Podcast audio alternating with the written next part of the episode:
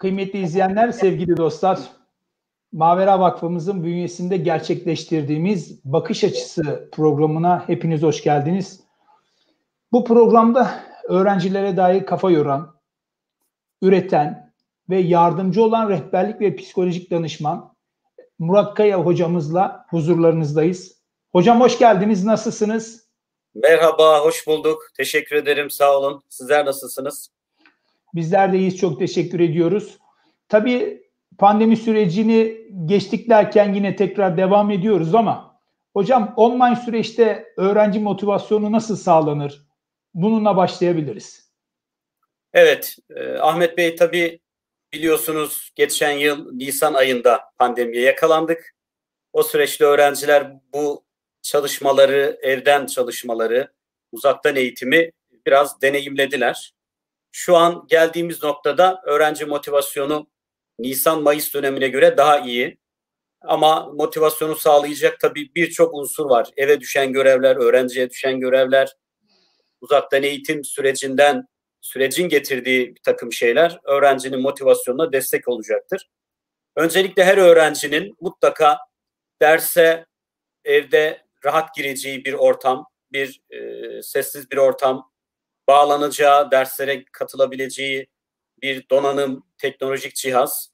Bunlarla beraber nasıl okul zamanında bütün hazırlığını yaparak derslere katılıyorsa evde de aynen okula gider gibi tüm hazırlıklarını yaparak bu sürece önem vererek başlamalı. Bu motivasyonun birinci ayağı oluyor. E, tabii devamında da mutlaka evin, çevrenin, e, evdeki ortamın buna yönelik düzenlenmesi gerekiyor. E, pekala hocam, e, e, öğrencilere düşen bir görev var ama annelere düşen, eğitimcilere düşen e, rolü ne oluyor bu süreçte? Yani şöyle, e, açıkçası e, bu Nisan-Mayıs sürecinde şunu gördük. Eğitimcilerin ve ebeveynlerin rolü biraz değişti. Yani rolü artık e, biraz aile aldı. E, evde onlar daha fazla çocuklarıyla beraber oluyorlar evet. ve eğitim sürecinin bizzat içinde oluyorlar. O yüzden mutlaka öğrenciyi daha iyi anlayan, empati kuran, onun bu sürecinde her anlamda yanında olan, kaygı üretmeyen, stres üretmeyen, tam tersi kaygıyı, stresi azaltan ebeveyn tavrı çok kıymetli. Hatta bazı okullarda öğretmen arkadaşlardan duyuyoruz. İlkokullarda özellikle aileler de eğitimin içinde. Bizzat e, eğitim saatinde aileler de derslere katılıyorlar. Bizzat dersleri izliyorlar, takip ediyorlar, yardımcı oluyorlar. Burada ailenin desteği normal döneme göre çok daha fazla artmış durumda. O açıdan ailelere büyük görevler düşüyor. Ee, beraber sabah dersten önce kalkmalı. Belki beraber güne bir egzersiz çalışmalarıyla başlamalı. Çocuğun ders çalışma ortamını, derse gireceği ortamı hazırlamalı. Aralarda da mutlaka yanında olmalı ve süreci, gidişatı ara ara konuşmalı. Ona her anlamda bu desteği vermesi gereken bir aile anlayışının bu süreçte daha fazla e, ihtiyaç, süreçte daha fazla ihtiyaç duyuyoruz. E, şimdi tabii e, biraz da aslında örnekleme üzerine gitmek istiyorum. Mesela siz hem bir yetkilisiniz hem bu konunun uzmanısınız. E, sizin evde süreç nasıl işledi hocam? Ne yapıyorsunuz? Yani biraz e, genel manada konuşuyoruz ama e, biraz içinizden örnek alsak hocam. Sizden mesela. Siz evde ne yapıyorsunuz? Yani şöyle benim tabii iki çocuk var. Biri ilkokul 3'e gidiyor. Biri Maşallah. 7. sınıfta.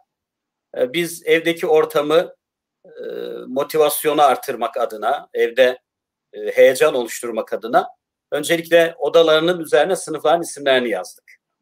Yani çocukların e, birinin işte 7D yazdık, birinin 3A sınıfı yazdık.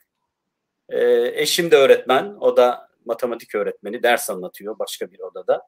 Ben de e, yine başka bir odada bana da müdürlük görevini verdiler. Yani evde bütün e, okulun unsurları var. E, mutfağı kantin gibi kullanıyoruz. Açık büfe, e, arzu eden teneffüste. Aralarda orada takılıyor. Ve e, derslerine giriyorlar. Teneffüste de e, evin işte salonu veya farklı ortamları kullanıyoruz. E, ciddi bir şey oluştu çocuklarda bu yaptığımız durum. Yani böyle tam okul ortamı gibi teneffüste birbirlerinin derslerini soruyorlar veya ders içeriğinden bahsediyorlar. Bizimle konuşuyorlar. E, hemen hemen böyle büyük bir çoğunlukla teneffüs saatleri de uyuyor gibi öğlen araları falan dışarı çıkış saatlerine denk geliyor zaten. İzin saatlerine denk geliyor. O açıdan e, çok farklı bir deneyim oldu ve e, açıkçası motivasyonlarına çok büyük katkı oldu. E, yoksa günübirlik böyle çok monoton bir yapı da e, çocukları harekete geçirmiyor. E, ben bunun bizzat etkisini gördüm. Yani velilerimiz, ebeveynler, e, aileler bu tarz önlemlerle, evde takım düzenlemelerle, basit bir takım düzenlemelerle çocuklarına çok ciddi katkı sağlayabilirler.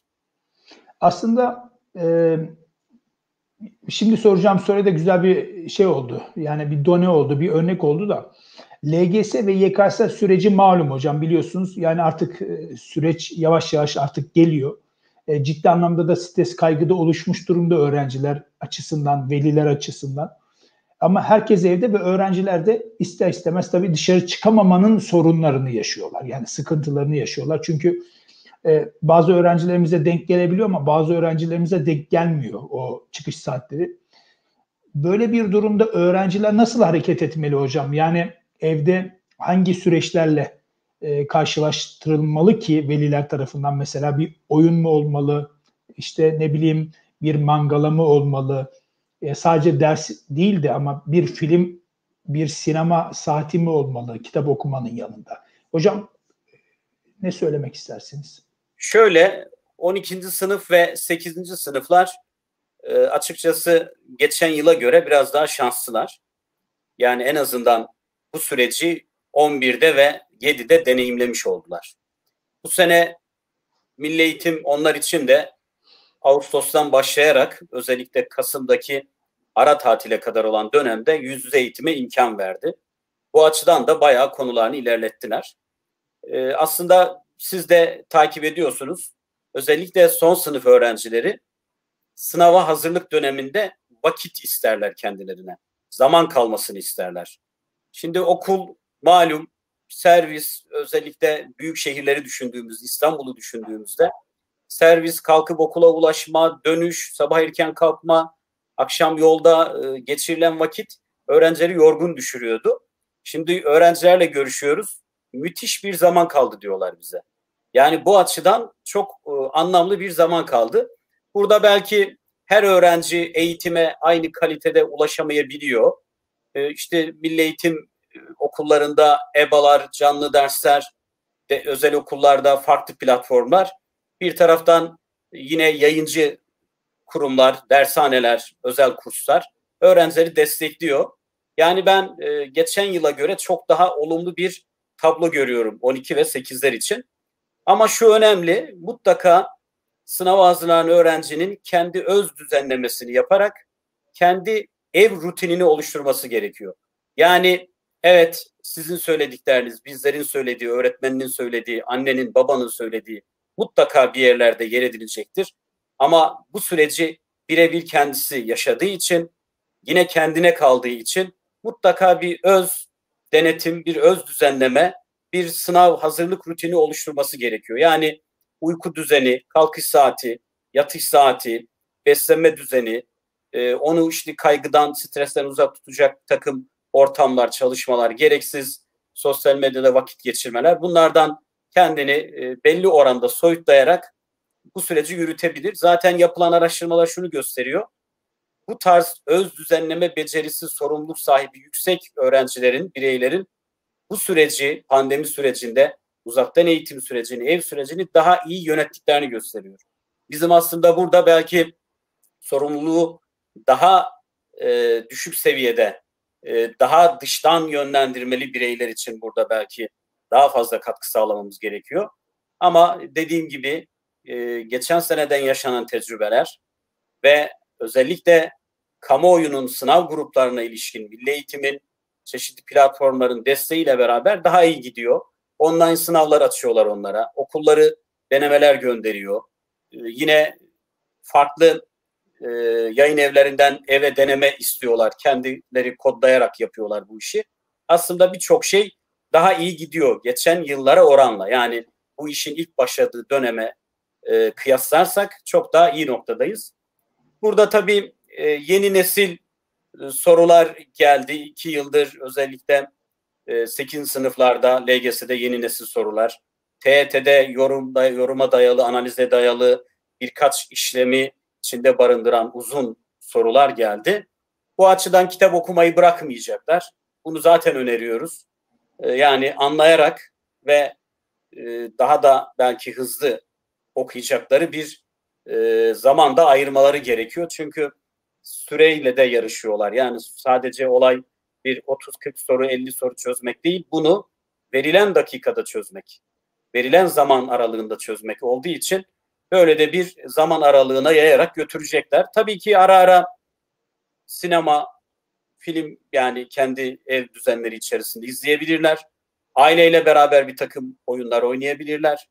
Yine ben hepsine özellikle devletin yasal izin verdiği saatlerde dışarı çıkmalarının da doğru olacağını, bir e, işte oksijen depolamaları için evlerine yakın park, bahçeler, alanların kullanılması açısından faydalı olacaktır.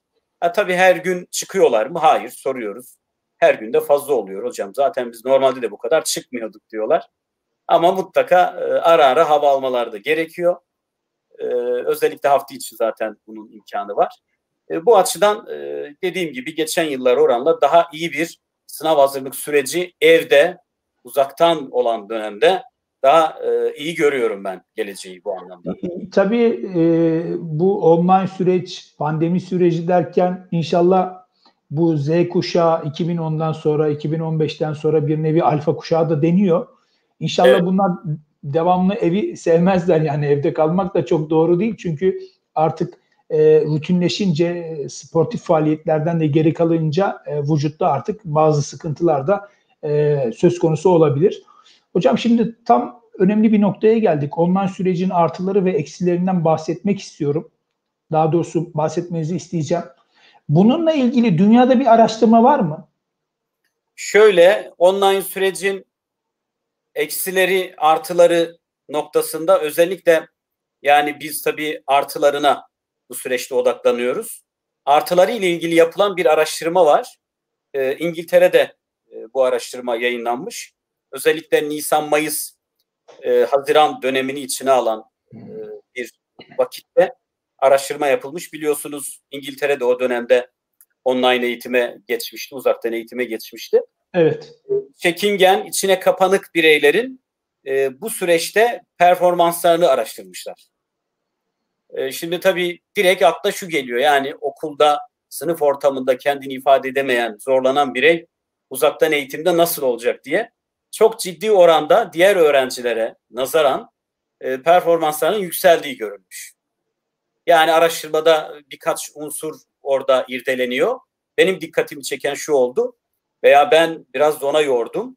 Yani açıkçası okulda öğrenci zaten içine kapanık kendini ifade etmekte zorlanan birey toplumun önünde, sınıfın önünde, öğretmenin karşısında zorlanıyor. Ya parmak kaldırmıyor ya kendini kaybediyor. Ya arkadaşının arkasına saklanıyor. Sırada bir anda yok oluyor. Göremiyorsunuz onu. Şimdi bu süreçte kimse yok. Onu gören yok. En fazla kamerasını aç diyebilir öğretmeni. Ya da işte sesini verecektir dışarı. Onun dışında rahat oluyor. Rahat hissediyor kendini. Ve bu tarz çocukların daha fazla derse katıldığı, performanslarının arttığı, daha fazla derse katkı verdikleri e, ve gelişimlerinin de eğitim öğretim adına daha iyi, daha yüksek noktalara ulaştığı e, incelenmiş böyle bir rapor var. Benim de hoşuma gitti açıkçası. Yani e, belki bu sürecin en büyük kazanımlarından biri bu. Yani bu sorunu, fırs- sorunu fırsata çevirmiş arkadaşlar o zaman. Kesinlikle. Kesinlikle. Yani e, tabii ki eksileri var. Bununla ilgili de çok farklı araştırmalar var. İlerleyen dakikalarda onlardan da bahsederiz. E, ama artıları noktasında bu araştırma benim çok dikkatimi çekmişti. Yine e, yapılan araştırmalarda ve incelemelerde de gözüküyor.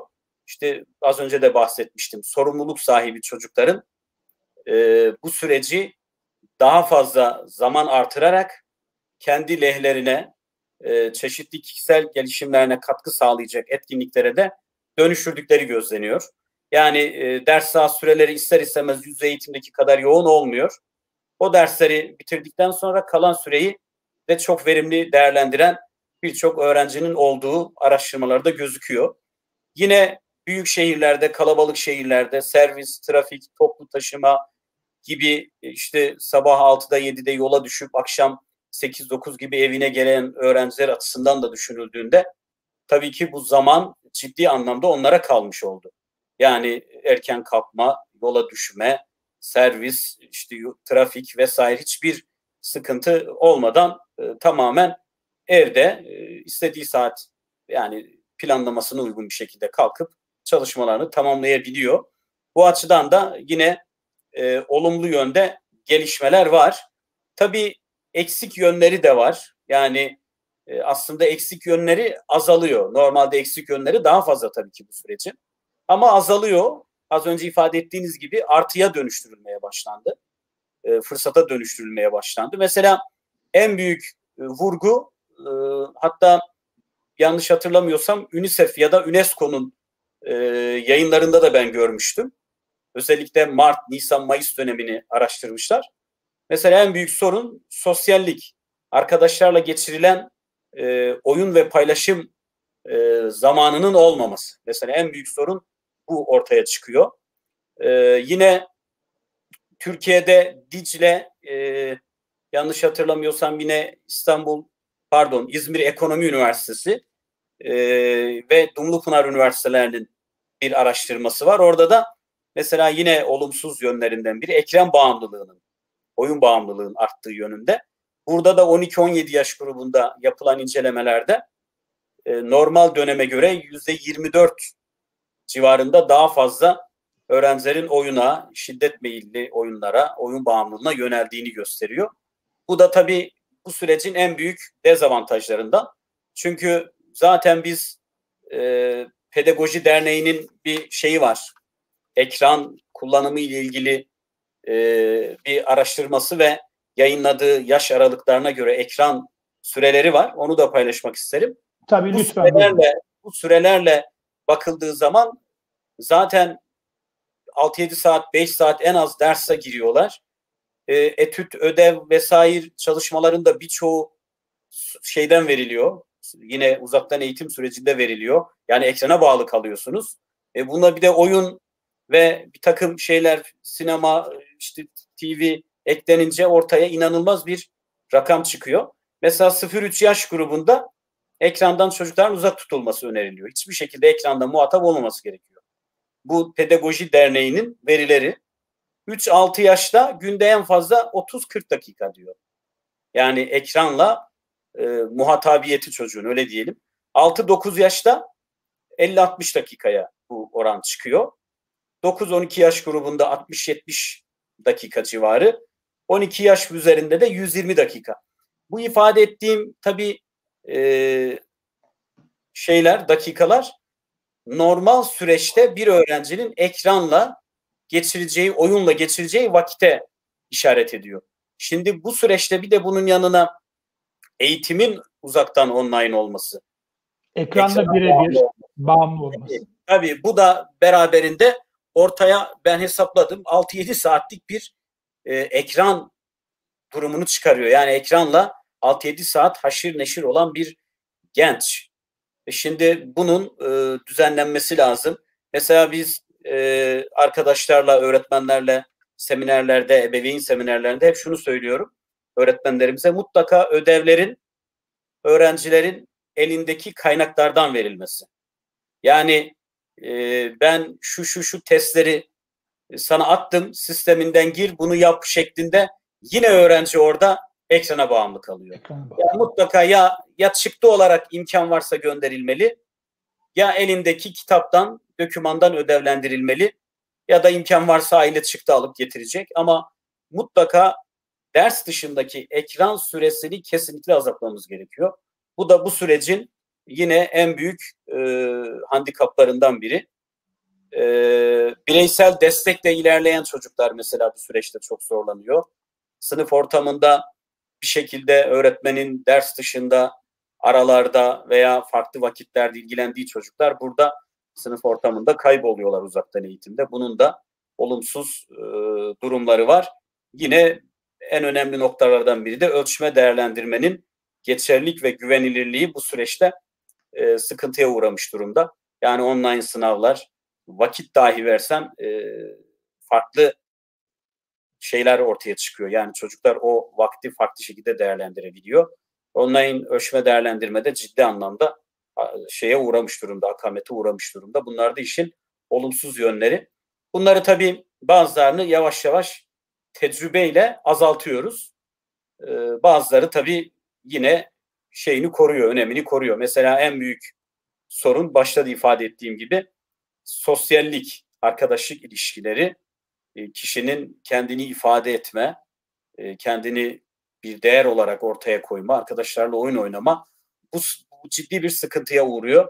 E, bu nokta aşıldığı takdirde diğer noktalar daha az zararla atlatılacaktır diye düşünüyorum. Evet yani gittikçe inşallah süreç e, pozitif olur. Olumlu anlamda e, düzene girer ve öğrencilerimiz, velilerimiz, öğretmenlerimiz açıkçası herkes okulu özledi, dışarıyı özledi. Yani e, evde kalma süresi tabii ki bir sıkıntı sadece öğrenciler için değil e, değerli hocam. E, veliler için bilhassa anneler için e, ciddi anlamda bir sıkıntı. Yani çocuğun yanında durduğu için bir nevi saat 9'dan 3'e kadar anne de dışarıya çıkamıyor. İster istemez tabii ki sıkıntılara düşar kalıyorlar. E, değerli hocam evde yapılabilecek etkinlikler neler olabilir? Yani gerek oyunlar anlamında olsun gerekse kitap önerileri noktasında olsun. Neler söyleyebilirsiniz? Şimdi az önce ifade ettiniz ailelere burada ciddi sorumluluk düşüyor ve aileler de bunu almış durumda tabii. Yani e, çocuğuyla sadece akşam ve hafta sonu vakit geçiren aileler şimdi haftanın 7 günü özellikle de hafta sonu sokağa çıkış yasaklarıyla beraber kesintisiz bir beraberlik söz konusu. Bunun e, tabii Türk toplumu için artıları var. Onu öncelikle söyleyeyim. Yani birkaç ülkede yapılan araştırmalar var. Türkiye'de bu konuda mesela daha iyiyiz. Mesela Çin'de bir araştırma var. Ebeveynlerin ev içi bu e, karantina günlerinde e, ev içi şiddetin arttığı, e, bir takım sıkıntıların normal zamana göre 3 kat arttığı tespitleri var. Bizde henüz böyle bir araştırma tam anlamıyla yok. Veri de yok ortada. Çünkü biz konuşmayı, paylaşmayı seven bir milletiz. Bu anlamda hep şunu derdik. E, çocuklarınızla vakit geçirin. Çocuklarınızla kaliteli vakit geçirin. Şeklinde önerilerimiz vardı velilere. Bu anlamda bu kaliteli vakit geçirme artık ellerinde, önlerinde. Bununla ilgili birçok yayın, birçok çalışma yapılıyor. Milli Eğitim'in bu özellikle yaz tatili için çok güzel bir kitap çıkarmıştı. Her güne bir etkinlik, her güne bir oyun çalışması. Yine e, geleneksel oyunlarımız tekrar gün yüzüne çıktı, devreye girdi. Onları yeniden yorumlamaya başladık. Az önce ifade ettiğiniz mangala dediniz. Yine beraber ailecek hep birlikte oynanılan bir takım oyunlar tekrar evde devreye girdi. Yani en basitinden isim ev, şehir. Ev içerisinde isim şehir, misket oyunu farklı farklı. Yani birçok aklınıza ne gelirse dışarıda da oynanabilen bir takım oyunlar ev atmosferine, ev iklimine taşındı. Ee, yani şöyle ben mesela evde şu uygulamayı yapıyorum. Ee, bizim akşam belli bir saatte herkes kitap okuyor mesela. Bu e, bunu bir saate bağladık. Herkes elindeki kitabını alıyor. Hani çocukları mutlaka okulun ödevlendirdiği kitaplar var. Bizim elimizde çeşitli kitaplar var, araştırmalar, makaleler var. O saatte yaklaşık bir bir saate yakın okuyoruz. Bir 10-15 dakika üzerine çocukları konuşturuyoruz. Yani yorumunu falan yaptırmaya çalışıyoruz. Mutlaka bu yapılmalı.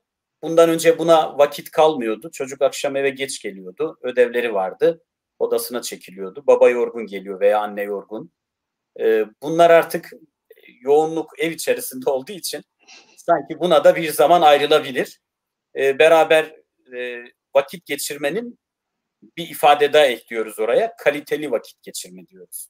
Yani e, onlar oyun oynasın. Bizler gözlemci pozisyonunda değil, bizim de dahil olduğumuz yaş grubuna göre farklı oyunlarla zenginleştirmemiz gerekiyor. Beraber dışarı çıkabilmeliyiz. Özellikle o dışarı çıkış saatlerini çok önemsiyorum. Aileyle beraber özellikle çıkmak istemeyen, o, o vakti bile bilgisayarda oyunla değerlendirmek isteyen çocukların elinden tutulup beraber e, ailecek dışarıda da takım etkinlikler yapılabilir. E, yani biraz burada işi ciddiye almak, önemsemek gerekiyor. Yoksa e, yani ileride beslenme sorunları, bir takım psikolojik ve fiziksel sorunlar e, baş gösterecek. Bunlara önlem almamız lazım. Az önce yine e, velilere düşen görevlerle ilgili bahsederken beraber fiziksel aktivitelerden bahsetmiştim. Sabah mutlaka hep beraber bir egzersizle başlanabilir güne. Çok güzel de olur. Çocuklar ortalama 9 gibi, 8 gibi farklı yerlerde farklı uygulamalar var. Derslere başlıyor. Beraber kalkılıp bir egzersiz yapılması tüm aile bireylerinin müthiş bir enerjiyle e, güne başlamış olacaklardır. E, yani ders dışında da çocuğun bilgisayarda kalmaması, odasında kalmaması, beraber evdeki ortak alanlarda bir takım etkinliklerle ev içinin zenginleştirilmesi bu süreç için çok önem arz ediyor. Şimdi tabii pandemiyi konuşuyoruz ve pandeminin getirdiği avantaj ve dezavantajlar da e, gündeme geliyor ister istemez. E, başarılı insanların ortak özelliklerinden bahsedeceğiz hocam. Açıkçası biraz da onu e, irdeleyelim, biraz da onu ortaya çıkaralım istiyorum. Ancak mesele başarı ise motivasyon her şeydir dediğimiz bir nokta var. E, bu yani cümleyi biz zaman zaman kullanıyoruz. E, aynı sektördeyiz, aynı camiada olduğumuz için.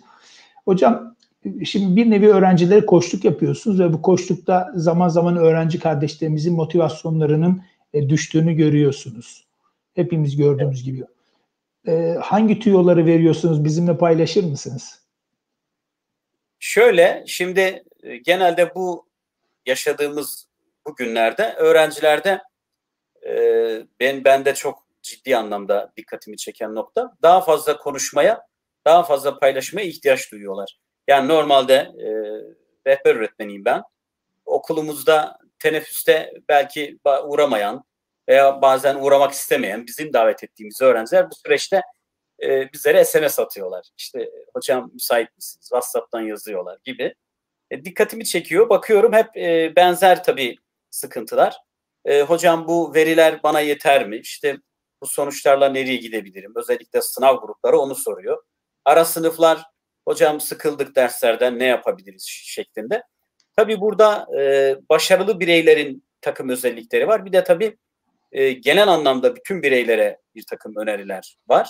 Özellikle başarılı bireylerle ilgili mesela hızlı karar alırlar.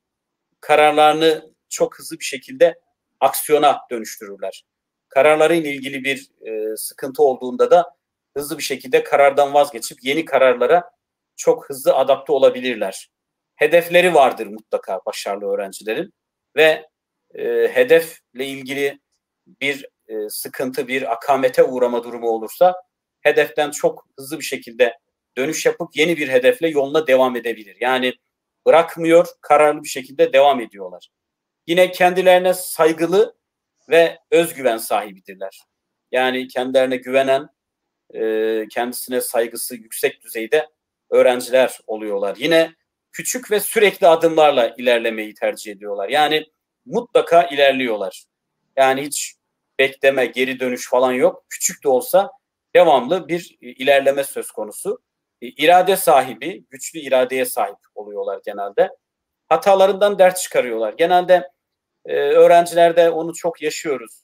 Bir, bir olayda, bir durumda bir hata yap. Bunu uzunca bir süre e, üzerinde duruyor. Bunu kendisini yoruyor. işin içinden çıkamıyor. Kuruyor bunu kafasında. Farklı noktalara taşıyor. Ee, bakıyorsun çok basit bir şey ama onun için çok önemli bir şey. Ee, tabii genelde de hani işte ergenlerle de çok yoğun çalışıyoruz. Onlar daha fazla büyütüyor bu konuyu. Burada e, yani bu bir hatadır, olmuştur. Buradan önemli olan neyi çıkarmalıyız bunu sorgulayıp bu hatadan dersimizi çıkarıp yolumuza tekrar emin adımlarla devam etmeliyiz. Yine başarılı bireylerde ön plana çıkan bir özellik lider yapılılar, lider ruhu oluyorlar. Yani etraflarında mutlaka birileri oluyor ve onlarla süreci yürütebiliyor, onları yönlendirebiliyorlar. Böyle bir özellikleri var. Paylaşımcıdırlar. Yani e, mutlaka güzel bir şeyi, yaptıkları önemli bir şeyi arkadaşlarıyla, ekibiyle mutlaka paylaşırlar. Onların da faydalanmasından e, memnuniyet duyarlar. Yani bana özel, gizli, saklı bir şey yok. E, bundan mutlaka diğer insanlar da faydalansın diye yaklaşırlar olaya.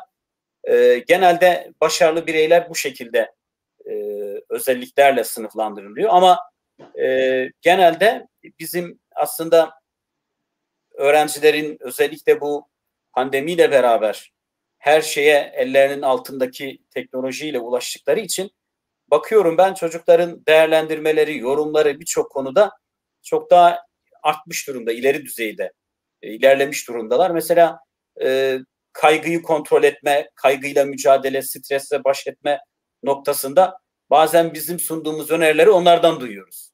Peki diyorum niye yapmıyoruz?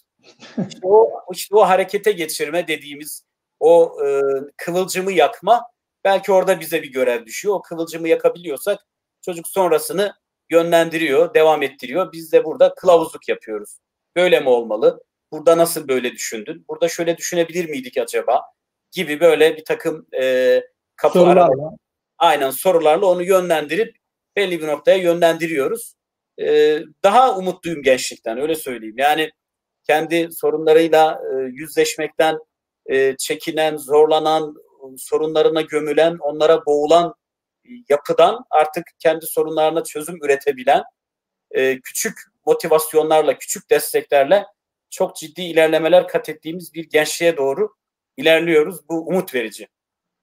Yani tabii sorunu fırsata çevirme oldu aslında. Açıkçası gençlikte ya ne oluyor? Yani gelecek kaygısı, işte sınav stresi derken e, ayaklarının üstünde durması gerektiğine inandı zannedersem. Bundan kaynaklı değil mi Sayın Hocam? Evet aynen öyle oldu. Yani e, yani mücadele azmi arttı. Yani şöyle düşünün şimdi pandemi sürecinde sadece olay eğitim değil. Yani Tabii. evde evde büyüklerini kaybedenler var. Ee, babaannesini, anneannesini, ninesini, dedesini, amcasını, büyüklerini, yaşlılarını kaybeden insanlar var. Yani hem yaz süreci var, hem e, motive olacak, derse motive olacak, yönlenecek. E şimdi bir sürü evde e, kendini rahat bırakacağı bir ortam varken ona bir sürü sorumluluk yükleniyor. Bir taraftan da belirsiz bir süreç. Ne zaman biteceği belli değil. E, işte önü böyle sanki böyle anlatılan haberlerle falan karanlık bir tablo. Yani bir olgunlaşma var. E, hayata bakış açısı herhalde değişti. Değil mi hocam? Kesinlikle yani bu süreç e, onları böyle olgunlaştırdı. Hani büyümüş de küçülmüş ifadesi var ya e, öyle bir durum e, doğdu. E, o yüzden çok etrafı haberleri böyle karamsar tabloları yerine onlar kendi güçlerinden, kendi enerjilerinden hareketle daha iyi bir noktaya hayatı taşıyacaklardır diye düşünüyorum. İnşallah. E, tabii şimdi bu az önce hani hem oyunlardan hem kitaplardan bahsettik. Aklıma da bir söz geldi. Hemen de e, yani yanımda da yazmıştım. E, Victor Hugo'nun bir sözü var. Okuma ihtiyacı barut gibidir. Eğer bir kere tutuşunca artık sönmez. Yani müthiş bir söz. E, tabii geçtiğimiz günlerde bilmiyorum denk geldi mi sosyal medyada e, vatandaşın bir tanesi hocam yazmış 366 günde okuduğum kitap diye e, boyunu biraz da aşmış 1.80 yani metre kadar uzunluğunda bir kitap okuyuşu olmuş yaklaşık 90 tane kitap. Yani sorunu fırsata çevirenler olmuş. Yani böyle evde televizyon karşısında devamlı kalmayarak, PlayStation oynamayarak, başka aktiviteler yaparak hatta yapılması gerekenleri yaparak işte bu zatı muhterem 90 tane kitap okumuş ve onları da fotoğraflamış ve sosyal medyaya koymuş. Çok da dikkatimi çekti. Açıkçası yani Victor Hugo'nun bu sözü hemen çağrıştırdı fotoğrafı hafızamda. Ya hocam yani bu kitabın e, bir tadına varılabilse aslında neler olacak? Şimdi Allahu Teala buyuruyor ki İkra bismi rabbikellezi halak. Yani ilk beş ayet yani peygamberimize gelen ve süreci devam eden Allahu Teala oku demesine rağmen biz kullar neden okumuyoruz? okusaydık neler olmuştu? Daha önceden neler olmuştu? Şimdi okumuyoruz ve nelerle karşılaşıyoruz? Yani şöyle okumayla ilgili yine çeşitli sorularda ifade ettim. Mutlaka ebeveynlerin örnek olması gerekiyor. Örneklik teşkil etmesi gerekiyor. Yani çocuğun tek başına e, evet bir takım ödevlendirmeler doğrultusunda okuyabiliyorlar. Bu ayrı bir şey. Yani e, Türkçe öğretmeni 10 tane kitap sene başından itibaren vermiş. Bunu okuyacak öğrenci. Bu başka bir şey. Bunun dışında 10, bunun dışında 20, 30 kitap okuyabiliyorsa o zaman anlamlı bir hale geliyor. Burada dediğim gibi kitap okuma saatleri önemli, kıymetli. Sonra kitap yorumu önemli. Okuduğu kitabın yorumunu yapması önemli. Özetini çıkarması veya işte bu e, hikayeyi tamamla e, bir takım uygulamalar var. Onlarla e, kendinin tamamlaması istenebilir. Zevkli hale getirilebilir. Ama mutlaka kitap okumayı teşvik etmemiz gerekiyor. Yani ben kendimden de gözlemliyorum. Bu süreçte kitap okuma oranı arttı. Yani çok fazla kitap e, okuyor, okunuyor. Yani burada en büyük neden tabii ki zaman durumu. Yani özellikle mesela bu hafta sonu dışarıya çıkamadık. Ne yaptık? Üç gün işte o yılbaşıyla birleşen tatilde e, tamamen kitap okuduk. Ne yapacağız? Yani bir çalışma, eğitim, takvim bir şey varsa onun dışında tamamen kitap okumaya ayırdık. O yüzden biraz zorlayacağız şartları ama cazip hale getireceğiz. Ee, sevdiği kitaplar üzerinden yürüyeceğiz. Ee, sonra yavaş yavaş yaşına, e, özelliklerine göre kitapları zenginleştirip yola devam edeceğiz. Ama geri durmamalıyız. Ee, en büyük örnek ebeveynlerdir. Yani benim e, gittiğimi, yaptığımı yap, yaptığımı yapma, gittiğim yoldan gitme diyen ebeveynlerden ziyade benim söylediğimi de yaptığımı da yap noktasında olan ebeveynlere bir dönüşe gerek var, ihtiyaç var. E, bu anlamda kitapta bu işin olmazsa olmazı yani. Hocam süremiz azalıyor. Son dakikalara giriyoruz ama YGS, LGS ve YKS sürecindeki öğrencilerimizin artık son süreçleri yani yaklaşık bir 6 aylık bir süreç kaldı. Evet 6 aylık süreçleri var. Evet bu süreçte öğrencilerimizin bizi izleyen öğrencilerimiz için de çok iyi olacak.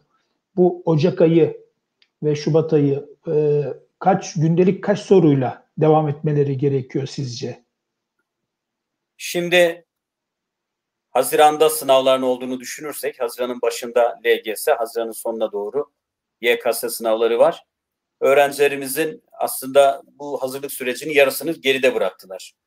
Ve e, önümüz Ramazan, işte yaza doğru sıcaklıkların artması vesaire çalışma ortamları da e, gitgide gevşiyor, bozuluyor.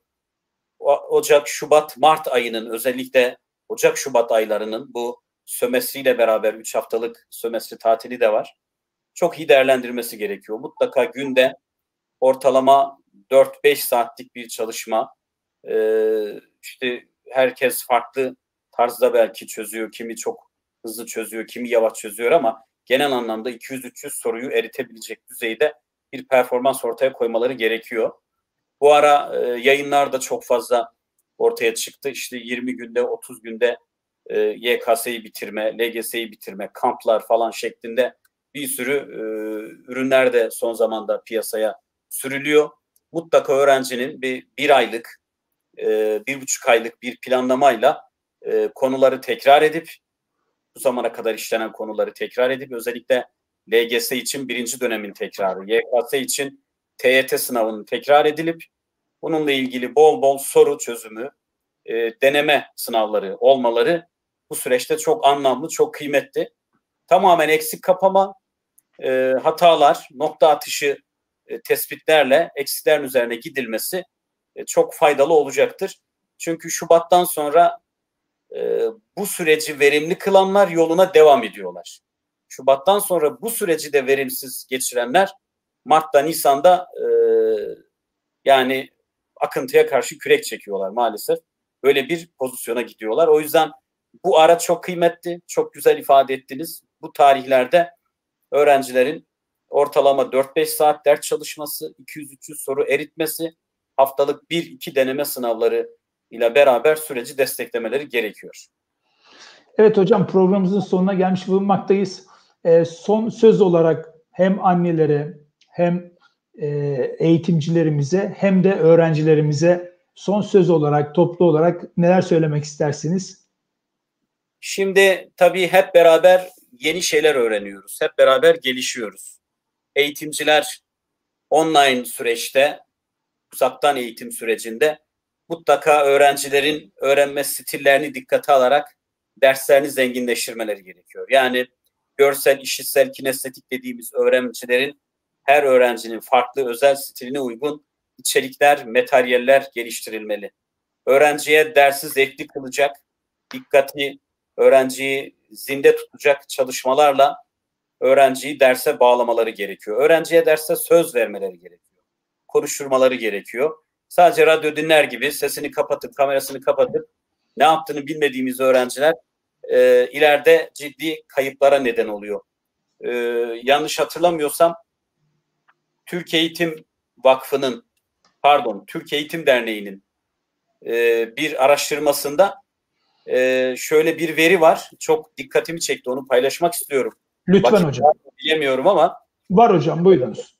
Yani diyor ki e, eğer nitelikli uzaktan eğitim olduğunda nitelikli bir uzaktan eğitim sürecinde öğrencinin eğitim öğretim kaybı 3-4 ayda tamamlanıyor.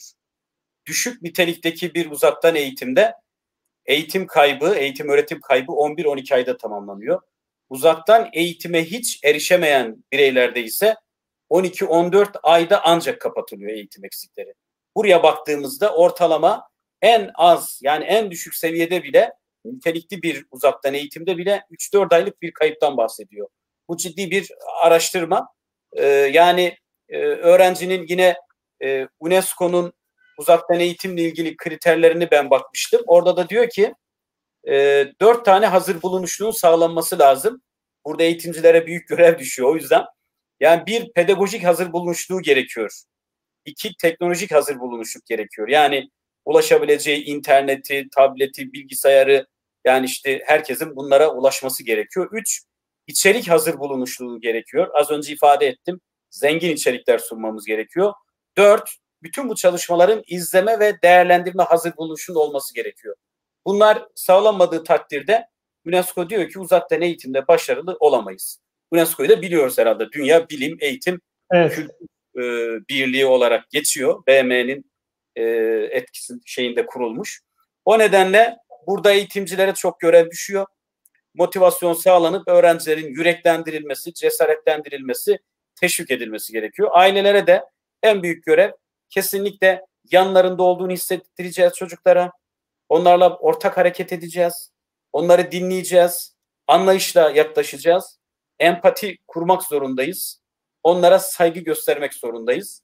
Bunlar sağlandığı takdirde huzurlu bir aile ortamıyla aşamayacağımız hiçbir engel yok. Hocam e, çok önemli bir kelime söylediniz empati. İnşallah bunu hayatımızın sonuna kadar devam ettiririz. Bu çünkü sadece bizim için değil dünya insanlığı için de çok önemli. Çok teşekkür ediyoruz. Saygıdeğer izleyenler, değerli hocamızla birlikte bir bakış açısı programımızın daha sonuna gelmiş bulunuyoruz. Programımıza göstermiş olduğunuz ilgiden dolayı her birinize ayrı ayrı teşekkür ediyoruz. Kulağınız bizde olsun. Allah razı olsun.